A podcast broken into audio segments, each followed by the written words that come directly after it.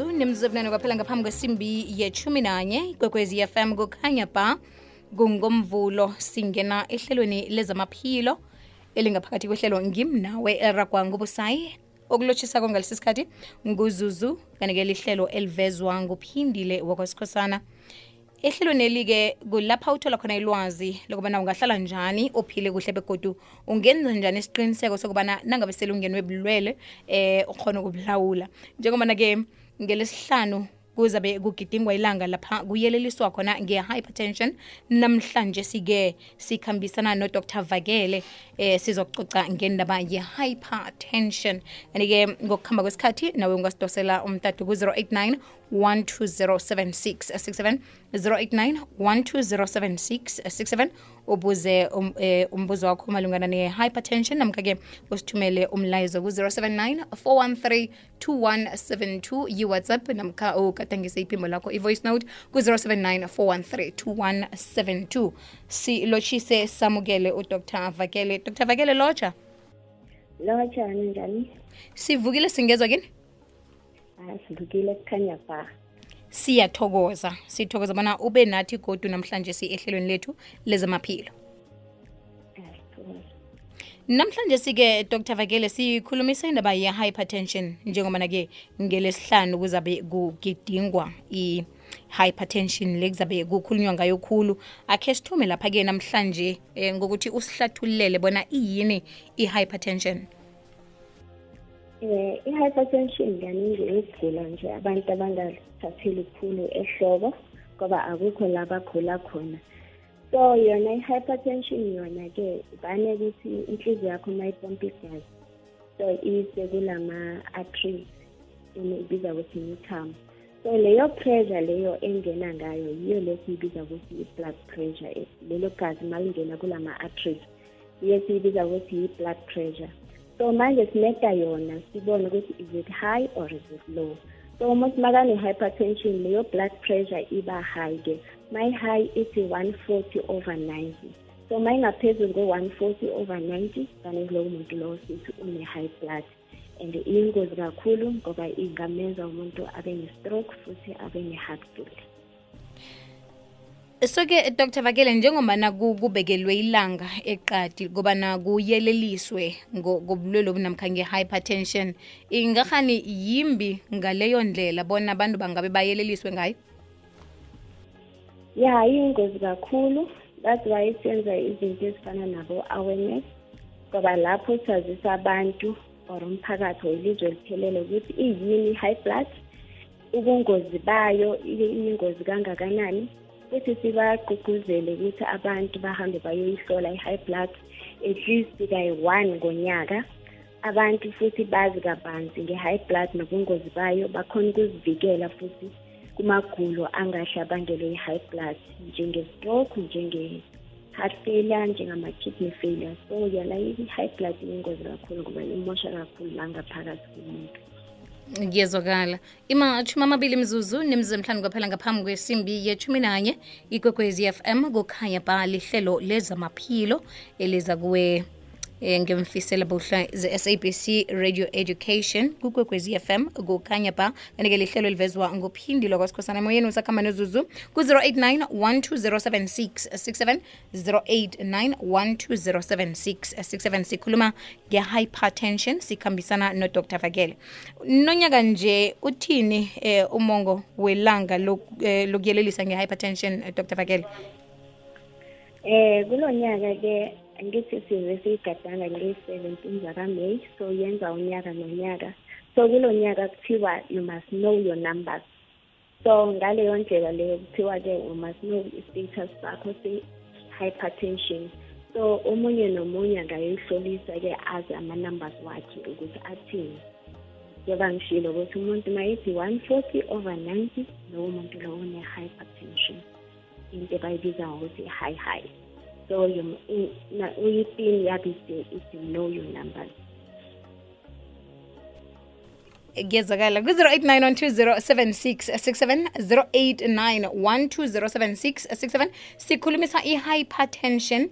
Kanti-ke ungasithumela nomlayezo wakho ohloliweko namkha i-voice note ku-079 413 2172 yiwhatsapp yomrhatsho leyo 079 413 2172 dr vakele-ke sibuyele mva kancazana. Yini ebangela i-hypertension ekufanele bona umuntu ayitsheje khulu? Nakhona umuntu uthi sele anayo i- i- yenziwe yini ukuthi eh, irhagale kuphuke ijinge phezulu khulu umuntu angasakhoni ukuyilawula mhlambe namkha gcina sele kubonakala njalo? Ya i-hypertension kahle kahle a- i- i- okuyibangelayo asinako kodwa mara sinezinto eziyingozi esiyibiza ngokuthi ama-risk factors angayenza ukuthi umuntu angagcina abe nayo i-high blood. Fana nokuthi mhlambe emndenini i-high blood mayikhona nawe ngenzeka ukuthi usebungozini yokuthi ungaba nayo. Mawubhema khulu mawuphuza khulu mawune-stress mawunga-exercise mawumkhulu ngomzimba into esiyibiza ukuthi obesity. Mawungadli kuhle mhlawumbe udla ukudla okunetswayi too much futhi-ke makwenzeka ukuthi u- uneminyaka engale ku-sixty. So usebungozini bokuba ne-high blood. Ukudla kwakho ma kunamafutha akhulu ma une-high cholesterol. Into esithi cholesterol ma iphezulu lapho-ke ungaba ne-high blood. Kuyezwakala. Kunomlaleli obuzako eh batsho-ke umuntu okhohlwako emkhumbulweni into leyo ayenziwa yi-high high. Sibiza njalo msi hypertension. Uthi namkha stress na ngoba nginokuvele ngikhohlwe nje khohlwa khulu siyamthwenya into le lowo muntu unayo i-high blood or akanayo? Eh akatsho ngizokubawa a- atsho bona unayo na i-high blood ngoba ubuza ukuthi ibangwa ngiyo um i-high blood namkha i-hypertension lowo mbuzo lowo unzima ngoba akasichazanga ukuthi unangakhi and unayo i-high blood or akanayo. Ngoba-ke ukukhohlwa ziningi izinto ezibanga ukukhohlwa.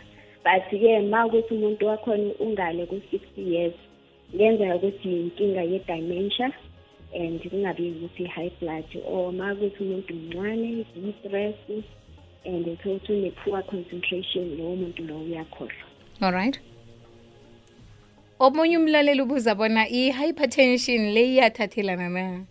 Ngakhona ukuyithola komunye umuntu. Namkha kesinye isikhathi mhlambe siqale um umndeni ukuthi emndenini nangabe ikhona nami kutsho ukuthi ngizokuba nayo.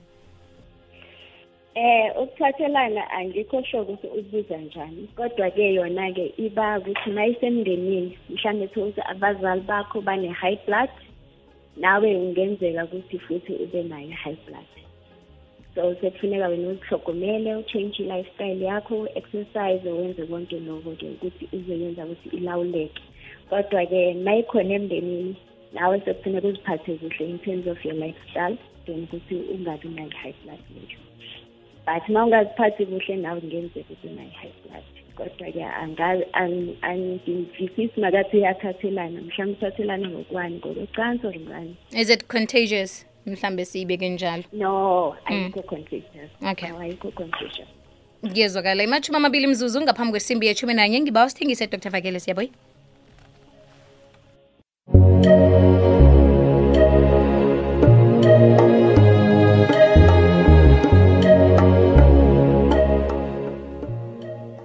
ilithumi mzuzu nemzuzu kwaphela ngaphambi kwesimbi yethumi nanye kwekwezi fm kukhanya ba lihlelo lezamaphilo osakhamba nozuzu. Sikhambisana nodr. Vakele siyikhulumisa indaba ye-hypertension ku-089 12076 67 kwekwezi usemoyeni lotshani?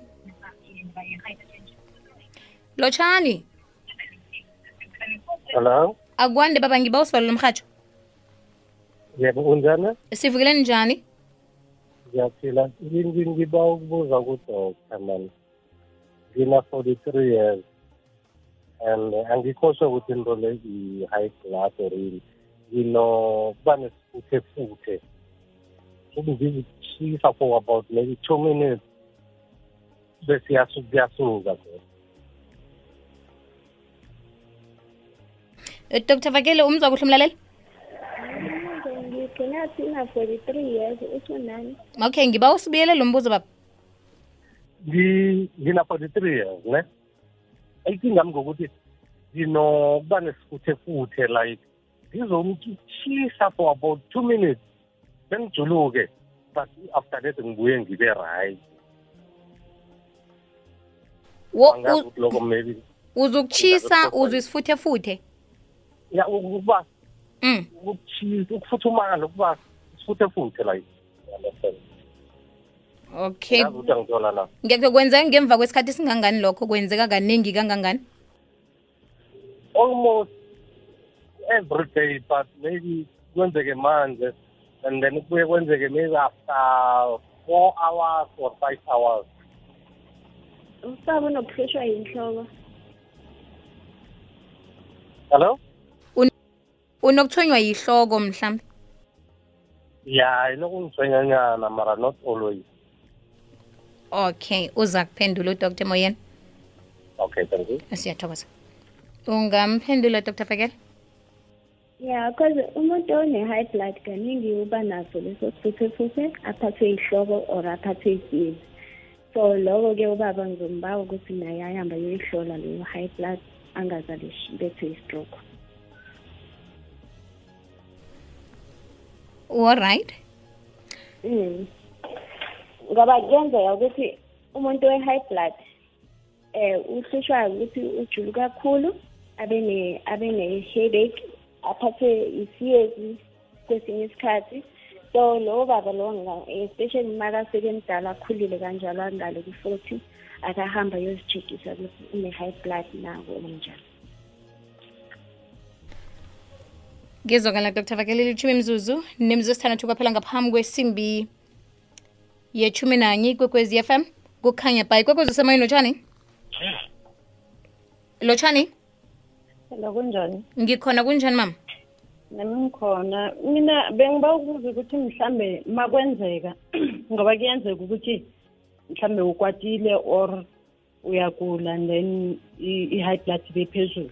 And then if kwenzeka ke bakucheck bathi une-hypertension uthola ukuthi awunayo bakuphe i-treatment zisuka kwenzakalani? Eh ma uyichekisa ma ukwate njalo vane ithini ama-numbers wakho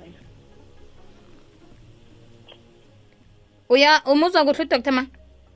Angimuzwa kuhle ma. U- ubuza bona na uyoyihlolisa i- i- inomboro zakhona zithini? Navane iphakeme njalo nangabe ukwatile? Mm, angekhe ngakhumbula mhlawumbe ukuthi zithini inomboro zakhona mara ng- ngicabanga ukuthi fana nokuthi mhlambe mabaza ngitshela ukuthi nginayo bangi-check-a kayi-one azangikhe bathi ubuye sizoku-check-a. And then bese bangipha i-medication bangitshela ukuthi ngine-hypertension ngizosela amapeli uphilo bami bonke and then after maybe six years. Bangitshela ukuthi ngi-right angisesina hypertension ngingasathathi treatment. But now and then inokuya phezulu nyana and then iphi- ibuye ibe right. Ngoba i-high blood nami angithi ma ukwatile ngingalalela emhatshweni mama. kulungile mama ungalalela emhatshweni ungaragela i-high phambili dr blood i-high blood ma une-stress noma ugula iyakhuphuka ngithi. So manje-ke mase sibheka isi- isimo salo mama lo mama lo kusho ukuthi unayo i-high blood ngoba manje bamyekelisile amaphilisi iphinde yakhuphuka futhi. So la maphilisi lawo kusho ukuthi ayayilawula besibe kahle. Mhlawumbe makathi uyo-check-isa ayitholi kahle. But akusho ukuthi seyipholile isho ukuthi ilawulekile. So umama loyo kufuneka aqhubeke ngamaphilisi awaphuzi ngoba kuyacaca ukuthi unayo i-high blood. Kuyezwakala Hi Zuzu ukhuluma noma kaMandise Mtsipiri ngilothise no Dr Vakele mina ngiba ukubuzela umama ngoba i-high blood yamthwenya. And then like nje ukuthola kugcina inyongo ezikhulu angakhona ukuhamba bathi i-high blood le ibalekele enyongeni. Kuyahonakala lokho na? Ngithokoze Zuzu. Bye bye uze kuhle umbuzo doctor? Bese i-high blood ibalekele enyongweni. Inyonga ziyaqina. Hayi. So manje uma loyo-ke phela ma ziqina kufuneka sazi ukuthi ushaywe i-stroke noma nje ziqina ngoba une-arthritis so kuyenzeka ukuthi maybe uma loyo ak- akusi- akusi- akusi-high blood. I-high blood uma iyenzeka ivele ikushaye nge-stroke. Vele mhlawumbe iside lonke lingasasebenzi or iy'nyawo zingasasebenzi nhlobo-ke ayi ukuthi ziyaqina ziphinde zibuye zibe right ziphinde zenze njani. So ngokubona kwami lo mama loyo uhlutshwa i-arthritis yiyo le emthunya la ey'nyongweni kodwa i-high blood sokuthi mhlawumbe nayo iyakhuphuka sekufuneka atshentshelwe amaphilisi athole amaphilisi amfanele azokhona ukuyilawula ngoba i-high blood iyalawuleka. Bese-ke ma ingalawulekanga izombangela iy'nkinga-ke ngokuthi abe abe ne- ne-stroke noma mhlawumbe abe ne-heart failure. Mhm. kodwa ayibalekele enyongweni nje. Enyongweni vane mhlawumbe-ke umama abe ane-arthritis ukugula kwamathambo mhlawumbe okufanele bona enze njani mhlambe ukuqiniseka ngoba u- uyafunisela nje akazi bona ikinga ekuphi ukuqiniseka kufanele enze njani? Akahamba emtholampilo bayomcheck-a ukuthi i-high blood yakhe yenza njani.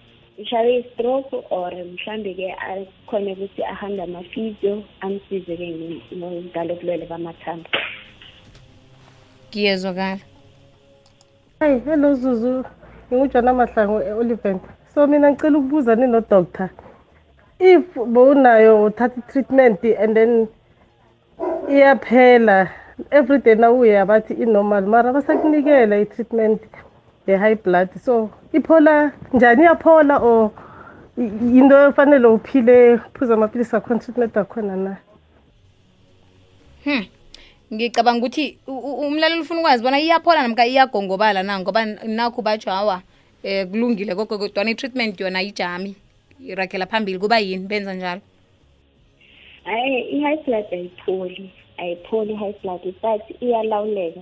Yabona nje umuntu futhi makazihlogomela mhlambe aphuze amaphilisi wakhe kuhle or a-exercise mhlambe mangayenzeka umuntu aluze weight ayenze zonke lezo zinto lezo ukuthi azihlogomele ivane ibe ilawuleke.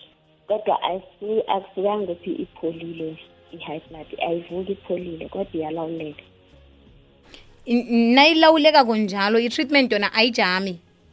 A-a ayijami. Kunga- ngamane bamehlisele-ke idozi yale treatment bekuyisela mhlawumbe ukuthi bekesela i let's say maybe amilidopin ten milligram sefuneka bayehlise mhlawumbe ethi five milligram. Or ma ukuthi bekesela amaphilisi ayi-three or ayi-two sefuneka yehlisa asele one just ukuthi ayilawule nje i-high blood. Kodwa yona ukuphola ayipholi. Bese nakathatha i-treatment njalo njengoba na usitsho bona iyalawuleka nanguragela phambili ne-treatment yakhe yehlisiwe nasele ikhuphuka yona vale vane seyenziwa yini? Ngoba nasi iyalawuleka. Um mayikhuphuka vane yenziwe ukuthi mhlawumbe khona into emstressile umuntu angithi ya kuyenzeka kuvele izifo kwenzekaleni umuntu ayehleli into ebuhlungu emstress abanye iyakhuphuka-ke. Abomama mhlawumbe mabakwenzeka ukuthi baphuze amaphilisi like i-prevention especially i-depo iyakhuphuka i-high blood. Abanye-ke mababi nokunye ukugula-ke ivele ivane khuphuka so kuyezwakala i- ibanye ibanye kanti khulukhulu Mm. ikhutshulwa yi-stress. Mhm. kaningi kuba yi-stress. Alright ilithoba kwaphela imzuzu ngaphambi kwesimbi yechumi nanye ikwekwezi fm kukhanya ba lihlelo lezamaphilo usakhamba nozuzu. Sikhambisana nodr. Vakele sikhulumisa i-hypertension. Kwekwezi usemoyeni lotshani? Lotshani? Kunjani zuzu? Sivukile baba njani? Khuluma nobaba umnisi la esoshanguve. Siyathokoza baba umnisi. Zozo eh eminyakeni eyi-nine eyandlula ngangithatha i-treatment ye-hypertension angithi iye. Ngayithatha for eight years. Ngilokhu ngikhamba ngiyithatha mara kwanje since ngayiyeka roughly twenty ten angithi ngaziyekela mina i-treatment. But ngiyakhona ukuzizwa ngo-right. Uma i- i- i- i- yenza le nto eyangenza ecaleni nginokuzizwa ngixonkeka kancane. Mara since kwamanje angithathi but ngisi mara still all-right ngifuna ukwazi ukudoktor ukuthi awu-dangerous na. Mm. okay. Ngoba iminyaka esele ngiyihleli ngingaphuzi amaphilisi namanje angiphuzi philisi bona kusuka ku-twenty ten ngingaphuzi iphilisi ukufika manje le-hypet nginokuzwa lelo langa ngizwa ngathi ngiyathirimizeka mara ngiphuze amanzi amaningi ne? Hayi ngiba right ngoba kunento eziningi engizithandelile engasazi mara ngiyasazisa wona oh ngesikhathi usathatha i-treatment bewuyithatha kuhle uyithathe kuhle bekwafikela lapha uba ngcono khona into eyangenza ukuthi ngiyiyeke zuze angazi baza maphilisi wale yanto yona waphuza uya right through khipha amanzi right through.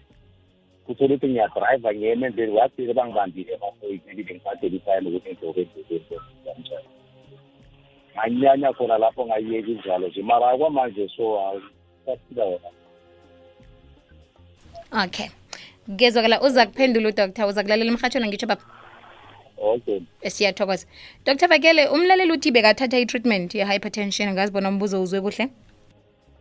Mm, uthi uyiyekile. Mhm. mara unokuzwa ahlukumezeke emzimbeni. Iye batsho into eyenzeka ngakanye. Mm. njengoba ngitshilo ngithi i-high blood akusiyinto abantu abayithathele ehloko ngoba akukho la kubuhlungu khona. Iba yingozi-ke ngoba especially njengolo muntu lo bekuthatha i-treatment wayiyeka. So kungenzeka-ke ukuthi mhlambe decide mhlambe i-high blood kuvele into mhlambe engasi-right empilweni yakhe. Bese iyashutha le high blood.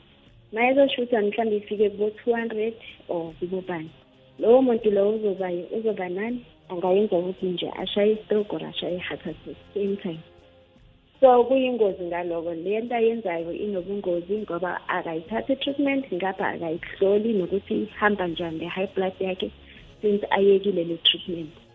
So kungenzeka-ke ukuthi uzifake ebungozini kakhulu ngoba ivele nje kube yinto yamanje imshaya manje leyo nto leyo yibe over years or over what. So use- uze uzidalele ubungozi lo- lobo- lo baba loyo ngokuthi-ke akayi-check-i futhi akaphuzi ne-treatment so akazi nokuthi kwenzakalani ngale high blood yakhe since twenty ten. Uvele wayeka amaphilisi nje kanjalo. Ubungozi ukuthi angabasha stroke esingeze satsho naso nasizako uzokubona ngaso sele sifika? Uzobona sekebuye phansi. So iyingozi ngaloko-ke. That's why ngisho n- nasekuqaleni mangingena ngithi i-high blood u- ukugula abantu abangakuthatheli ehloko Mm. kuyingozi ngoba akukho la kokulayeza khona ukuthi manje sozowa manje uzoba u- inje i-high blood yakho. So abantu abahlolisi into ma ingekho buhlungu into ma ingabathwenyi indawo abayihlolisi and abanandaba nayo. So i-high blood-ke iyingozi ngaloko because it's a silent killer.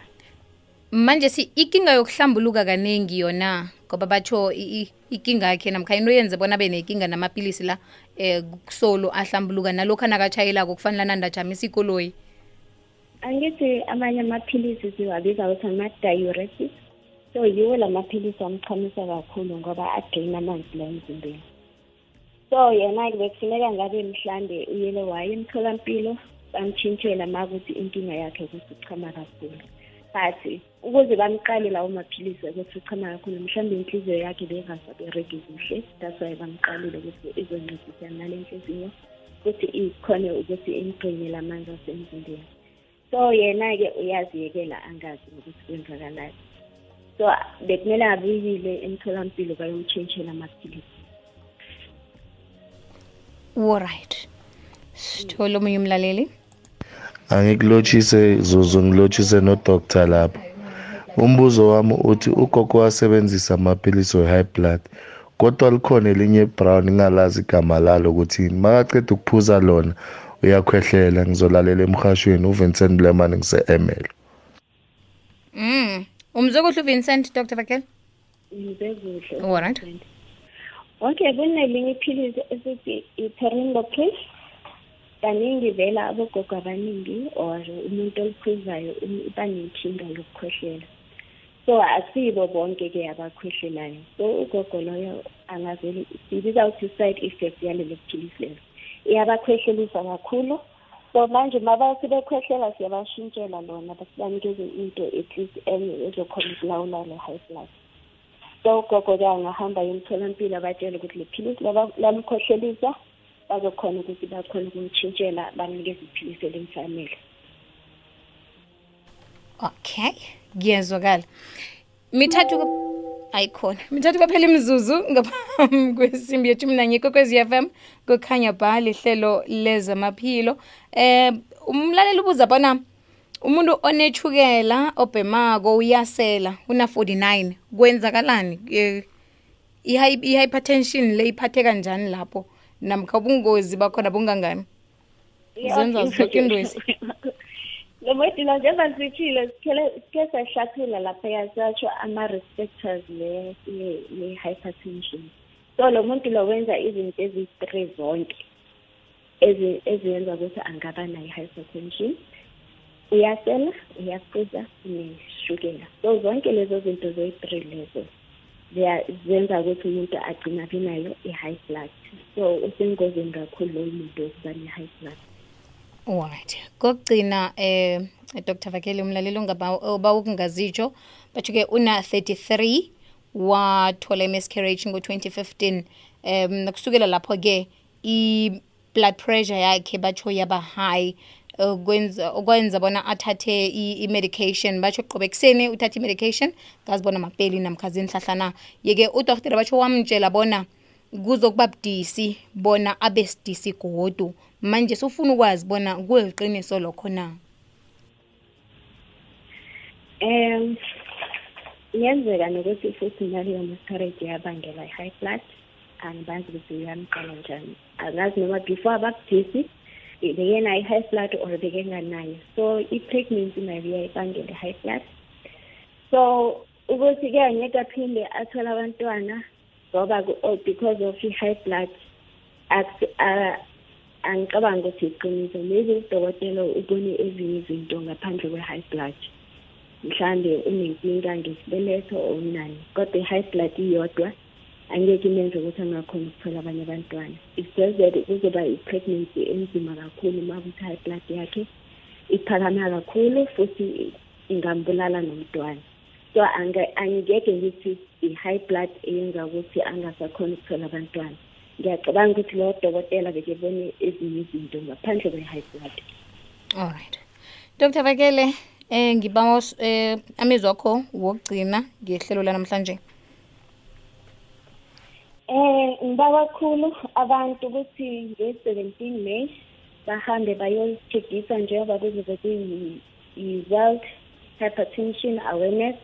Kunama-campaign ke ayenziwayo emtholampilo ukuthi abantu bahambe bayohlolisa i-high blood for free.